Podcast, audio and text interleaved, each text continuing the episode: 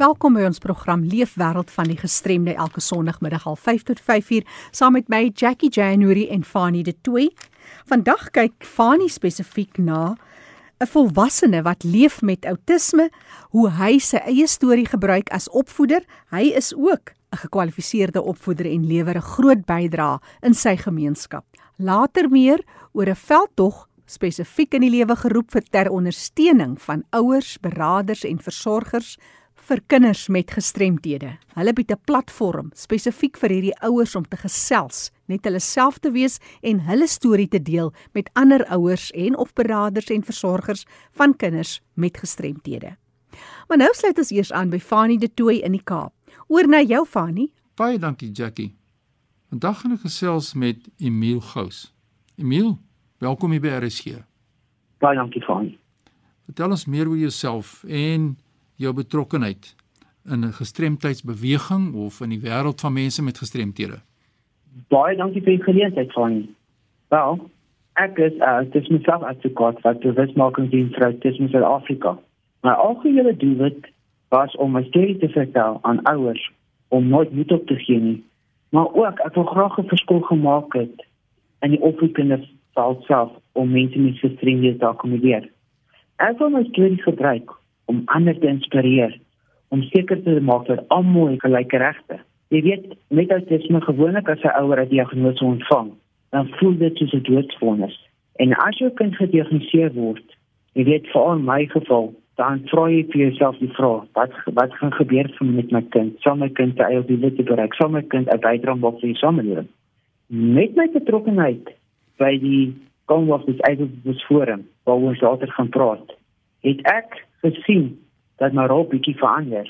Waar ek nie net bewus maak van maar doen vroutisme nie, maar ook vir ander versteurings, waar ek vir almal 'n gelyke en vredevolle wêreld beklei. Alhoewel ons uitdagings verskillend is, veg ons almal vir inklusiewe en toeganklike samelewing wat 'n sosio-ekologiese benadering nastreef. Jy het genoem Autisme Suid-Afrika. Hoe het jy betrokke geraak? Soos ek gesê het, ek wil graag my storie vertel om ander te inspireer om nooit moed op te gee nie. En om te verwys na my eie lewe, dit was 'n lang proses. En jy moet van hoop, liefde en deursettingsvermoë kon ek my die wil te bereik. Die ondersteuning van my ma en dit wat die boodskap wat ek wil oordra. So ek het eendag 'n vergadering gehad met Autisme Suid-Afrika en ek het vir hulle my doel te vertel. En die storie was so inspirerend waar hulle my gevra het om voor 'n klomp mense te praat met 'n groepie van 5 mammas. En jy weet dit was my grootste doel. As ek net een mamma kan inspireer om nooit moed op te gee, dan is alles die moeite werd. Jy het 'n groepie van 10 ouers het die 20 geword van 20 tot 30 waar dit gekom het waar by jou by die nasionale autisme simposium gepraat het by Noordwes Universiteit. En van daar af het wat ek op het ek op radio gepraat, so daar is hier en ek het 'n bietjie verskyn waar ek waar my storie vertel. En hier is geskiedenis. Jy het Autisme Suid-Afrika verteenwoordig in Amerika, né? En dit was by die Verenigde Nasies in 2019 en jy was ook verkies as verteenwoordiger van neurodiversiteit en op die raad van die Commonwealth Disabled People's Forum. En vertel ons 'n bietjie meer oor hierdie forum. As ek kan begin met ek wil sê dit 'n groot geleentheid was en ek is elke dag dankbaar dat Autisme Suid-Afrika my die geleentheid gegee het. Ek het Autisme Suid-Afrika, soos jy gesê het, vir die woorde in Amerika in die Verenigde Nasies gebou in New York City. En ek was by 'n enkele vergadering verkies as verteenwoordiger van hierdie diversiteit op die raad. Die Kamer is eintlik ons forum verteenwoordig al die lande, 54 lande en die verskillende gestremdheidsorganisasies. En ons wil doen wat is om seker te maak dat lande die Verenigde Nasies se regte en ook hulle legislasies nakom om mense met gestremdhede te akkommodeer in onderwys in die publiek en ook gesondheid en verskeie ander faktore en my verteenwoordiging my verantwoordelikheid is om met al die autisme autistiese organisasies te kommunikeer reg oor die Commonwealth om seker te maak dat die dat mense dit is me verteenwoordig word en seker te maak dat daar geleenthede is sodat hulle 'n uh, volwaardige individu kan wees in die samelewing. Dis prysenswaardig as iemand wat deur gestremdheid geraak word na vore kom en so goed dit bydra maak soos wat Emil Gous hier doen. Emil, dis regtig lekker om te luister na wat jy alreeds bereik het. Maar 'n praktiese vraag rondom outisme en die COVID-19 pandemie. Hoe het dit mense met outisme geraak? Is daar iets wat spesifiek na vore gekom het uit julle perspektief? Wel, van die ding van die COVID-19 pandemie is dat dit nie nuwe probleme geskep het nie. Dat ek sou sê dat probleme uitgelig het wat nog altyd daar was.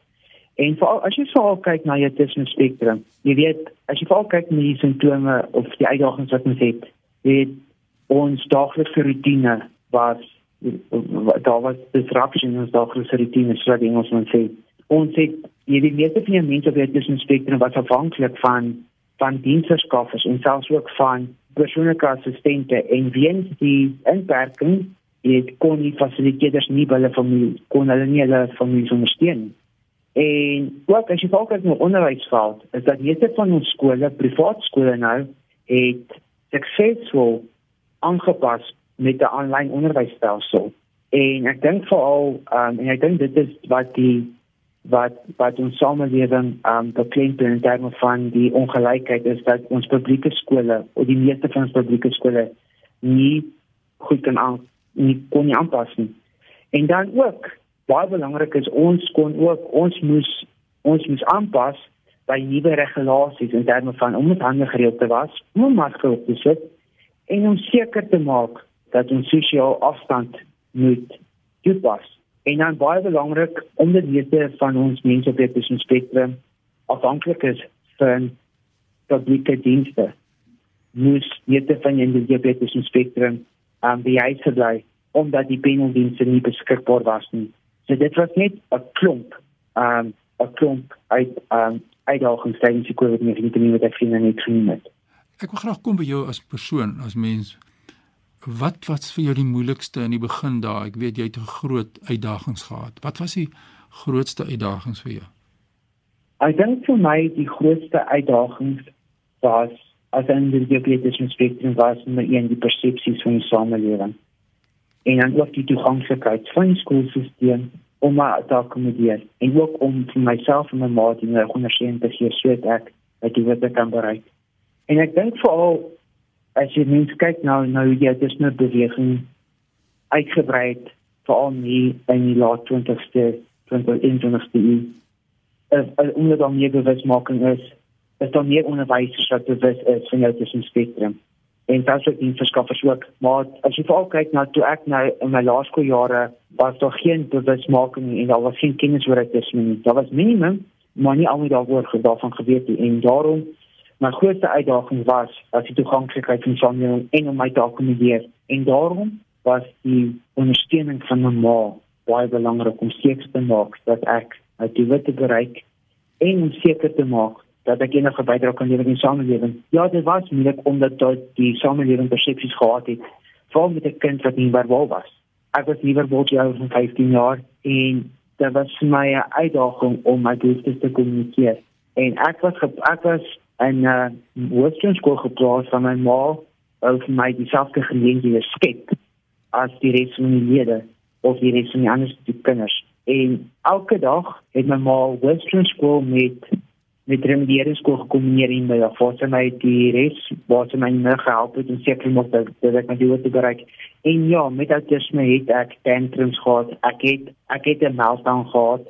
Maar die belangrikste ding was hy hy het daar agterkom wat is die gedrag ag wat is hierdie agter hierdie gedrag en die moet vir ondersteuning kon ek my doel bereik maar as jy veral kyk met die algemene uitdagings organisering beplanning en ook die emosionele en sosiale kant was vir my 'n groot aanpassing vir die en ook die persepsies ook in samelewing Emil ek kan net luister en luister na jou jy's so 'n goeie voorbeeld van iemand wat na vore kom en bereid is om te praat en te verduidelik en dit is so wonderlik om mense sensitief te maak vir mense met outisme en die uitdagings daarmee saamgaan. Jy's regtig 'n rolmodel vir ons in Suid-Afrika. Ek gaan 'n volgende program met jou verder gesels, maar as mense nou wil met jou kontak maak, waar kry hulle vir jou in die hande? Wel, soos die luisteraars weet, is ek ook 'n uh, spesialis onderwyser en ek wil graag my e-posadres vir almal gee sodat die luisteraars kan my kontak deur my van e-pos by email.house@ag360.education. As ek weer kan herhaal, email.house@ag360.education. Ja, dis die kontak besonderhede van Emil Gous, maar ons gaan in 'n volgende program luister wat hy alles doen elke dag. Emil, baie dankie. Baie sterkte vir jou werk as ook in die onderwys en ons gesels by 'n volgende keer verder. Baie dankie vir dit. Dit was 'n groot genoeg. Ja, Jackie, dit is hoekom ons hierdie program het. Ons sien 'n platform vir mense met gestremdhede om na vore te kan kom en te sê wat is hulle uitdagings? Hoe word hulle geraak elke dag deur gestremdheid in 'n gemeenskap wat wil strem? Indien jy e-pos na my wil stuur, my e-pos is fani.dt@mweb.co.za. Groetens uit Kaapstad. Kollega Fanie de Tooi daar in die Mooie Kaap. Dankie Fanie vir jou bydrae vandag.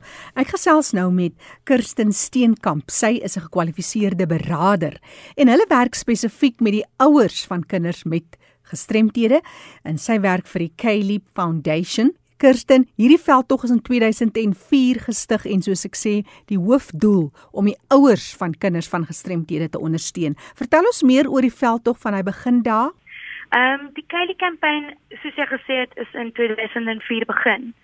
En Kylie of Michaela, ehm um, sy is nou 27 jaar oud, het die International Children's Peace Prize gewen 'n paar jaar gelede en sy is 'n kind wat sy serebraal gestremd en sy gebruik 'n rolstoel. So sy en haar sussie en haar twee beste vriendinne, hulle het besluit om ehm um, geld in te samel vir 'n rolstoel, um, haar eerste mechanical motorized wheelchair. Toe het hulle besluit hulle het so so um, goeie ondersteuning gehad dat hulle het besluit om ander kinders te help. Die die organisasie is is regtig vir kinders. So dit is deur kinders begin vir kinders en ons ondersteun ook ehm um, die ouers en mense in die omgewing wat met gestremde kinders ja. werk. Maar vertel my Kirsten uh, om die internasionale vredesprys te kry. Dit was seker 'n groot kompliment en ek is seker Kylie en haar maats het dit nie verwag nie. Ehm um, ek dink nie sy het dit verwag nie hoor, maar sy is nou ehm um, hulle noem dit 'n uh, differently abled activist. Sy's 'n sy's 'n aktivis en sy het 'n groot belangrike boodskap vir vir mense oor gestremdheid en gestremdhede in veral in Suid-Afrika, maar ook oor die res van die wêreld waar kinders met gestremdhede nie in in die skool kan kom nie. Dit is ook hoekom ons kan nie onthou presies wat se jaar nie um, 'n inklusiewe voorskool um, begin het in Plumstead waar ons kinders wat gestremd en nie gestremd saam skool hou. Ja. Hulle leer en speel saam. Dis 'n wonderlike inklusiewe wêreld wat jy daar wil vestig. Hmm. Maar vertel my oor die veldtog self. Julle is nou uit die aard van die saak in Kaapstad daar in Plumstead, maar dit is wyeer as net die grense van die Wes-Kaap wat julle mense wil help en ouers, beraders, ander versorgers vir kinders met gestremthede. Hmm. Ja, ons het die skool in in Plumstead in Kaapstad. Ehm um, maar verlede Mei het ons die aanlyn sessies begin so met die pandemie met met ouers wat nie die ondersteuning van die skool kon kon kry nie en ander koneksies uh, sosiale koneksies deur hul vriende wat hulle nie kon sien nie het ons besluit om hierdie um ouers ondersteuningsgroep begin. Um en dit is in Suid-Afrika beskikbaar. Um maar meer as dit ons het 'n youth empowerment program. Mm. Dit is die um pay it forward ambassadors program wat ons 'n paar jaar terug begin het. Ehm um, en dit is ook oral in Suid-Afrika waar volwassenes die ondersteuning ehm um, van kinders ehm um, ondersteuning bied aan kinders. Ja, ons het 'n paar programme wat landwyd ehm um, beskikbaar is en dit is regtig oor ondersteuning van uh, gestremde kinders en die gemeenskap waarin hulle in hulle leef, ja. As jy nou praat van julle opleidingssessies, dis aanlyn. Waar hoe gebeur dit? Hoe gaan julle mense betrek wat nou nie byvoorbeeld slimfone het nie en so meer? Hmm. Wat hoe gaan julle daai bruggie oorstap? Ja, so dit is nogal 'n ding want um, ons verstaan daar's baie mense wat nie Zoom of 'n um, werkende laptop het nie. So jy kan die app ehm um, kry Zoom en is op jou foon of jou rekenaar en ehm um, ja, dis elke maand waar ons hierdie sessies het en ek pos op die op Facebook groepe en ek probeer ehm um, meer mense vertel oor die die program wat ons aanbied vir ouers.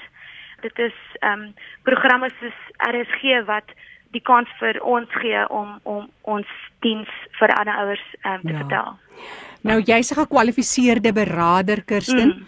Vertel ons as daar nou byvoorbeeld ouers is wat nou nie so 'n sessie kan bywoon nie. Hulle het nie 'n mm. slimfoon nie, hulle het nou nie die toepassing nie. Hulle het nou nie 'n skootrekenaar nie.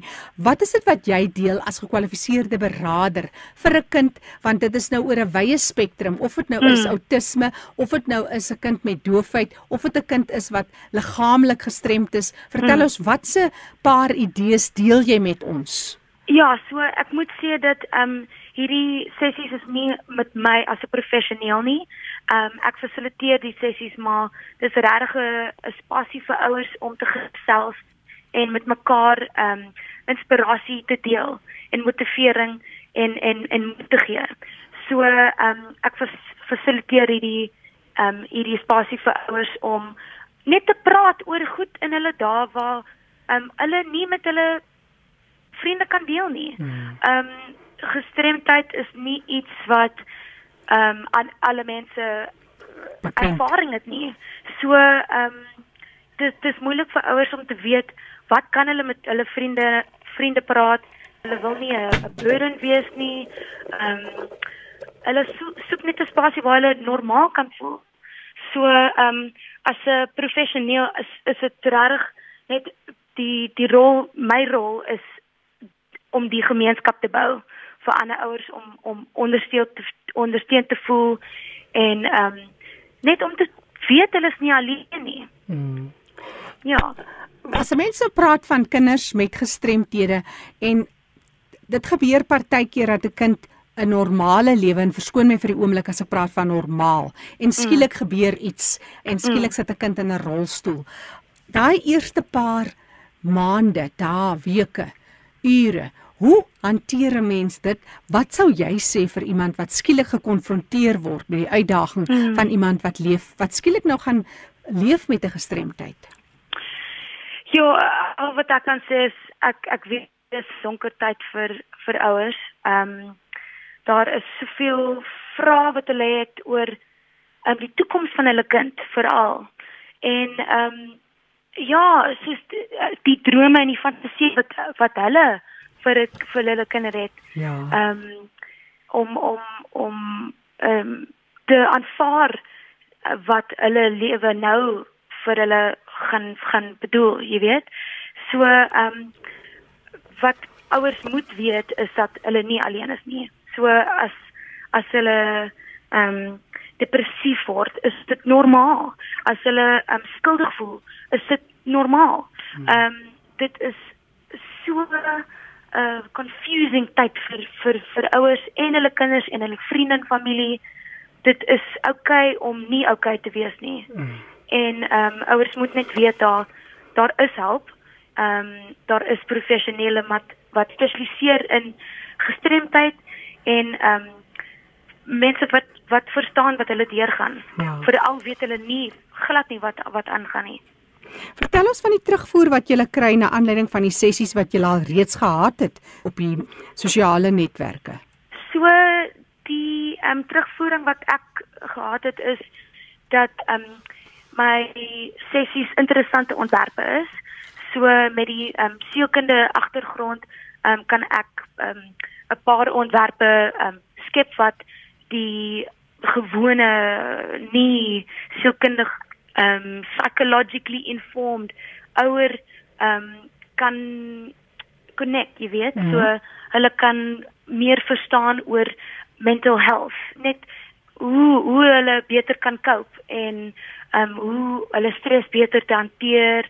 Sulke goed. So ons deel met baie um, verskillende ontwerpe en die ouers praat oor goed wat hulle wil. So um, al het ons 'n ontwerp waar um, ek kan miskien voel dat ehm um, dit is belangrik vir ouers as hulle oor iets anders wil praat, is dit regtig hulle tyd om met ander ouers te te connect. So ja, die die terugvoering wat ek gehad het is dat dit ehm um, hulle sê dis 'n unieke plek. Ja, waar ehm ja. um, dis dis baie intimate en hulle kan net aankom en en gesels in 'n stiller plek waar ehm um, hulle kan saam dink en deur idees werk ja. en en sulke goed. So ja, dit is regtig vir enige ouer wat voel hulle kort nog ehm um, motivering in hulle daaglikse lewe. Dis 'n veilige plek en um, is ook 'n plek waar hulle net kan wees wie hulle is. Mm. Nou die sessies word uit die aard van die saak in Engels aangebied, maar dit beteken nie dat ouers wat um, ander tale praat nie kan inskakel nie, mm. word hulle geakkommodeer. Mm. Ons het ouers ehm um, soos ek sê oral Suid-Afrika wat kom, kosse ehm um, 'n paar ons het ehm um, Zulu familie gehad, Afrikaans en natuurlik Engels. So waar ook al jy bly, ehm um, en watter taal jy praat, jy's welkom. Ons probeer vir enige iemand ehm um, akkommodeer. En wanneer is dit gewoonlik en hoe gaan mense te werk om in te skakel? So dit gaan ehm um, die einde van elke maand wees. So ons het nou net ons sessies verander tot ehm um, 'n aand sessie. Dit is die laaste donderdag van die maand. Dit gaan die en... laaste donderdag van elke maand wees. Ehm um, en 7 uur in die aand. En hoe gaan mense te werk om uh, in te skakel? Hoe kry hulle die skakel? So hulle kan vir my 'n e-pos stuur. Ehm um, dis kirsten@kayleecampaign. So kirsten k i r s t e n mm -hmm. @kayleecampaign.org. En dis Kaylee met C H A E L E. Kaylee. C H A E L E. Mm. Soos Michaela. Ja. Okay, Kaylee campaign. Ons is ook beskikbaar op Facebook en Instagram as enige iemand ons wil volg en ehm um, vir ons 'n boodskap stuur as hulle geïnteresseerd is dan dan sal ek die boodskap sien en vir hulle die ehm um, inligting gee. Dis net 'n Zoom link wat wat die ouers um, ja. kort. So dis elke laaste donderdag 7:00 die aand ja. en hoe lank duur so 'n ja. sessie gewoonlik? Ehm um, dis dis 90 minute. So dit is 'n uur en 'n half mm -hmm. en as as ouers voel dis te lank, hulle kan maar waai wanneer hulle ehm um, genoeg gehad het, maar ons voel regtig dat hierdie tyd ehm um, 'n goeie diep genoeg spasie vir ouers aanbied. Genoeg, diep genoeg, ja. Baie dankie, dis Kirsten wat gesels. Kirsten Steenkamp, sy is gekwalifiseerde beraader by die Kaylee campaign en uh, omdat die naam nogal moeilik is om te skryf, kan jy gerus vir my 'n e e-pos stuur, Jackie@rsg.co.za. Ek sal graag jou e-pos antwoord en vir jou die besonderhede deurgee. So stuur jou e-pos na my, Jackie@rsg.co.za. Onthou ook, die program Leefwêreld van die Gestremde is beskikbaar as 'n potgooi. Gaan na rsg.co.za. Jy kan weer daarna gaan luister. Jy klik onder potgooi en klik onder L vir Leefwêreld van die Gestremde met vandag se datum. Die kontakbesonderhede van ons deelnemers is ook op die webtuiste. Die program Leefwêreld van die Gestremde word elke Sondag namiddag 05:30 tot 5:00 aangebied deur Fanie De Tooy en Jackie January.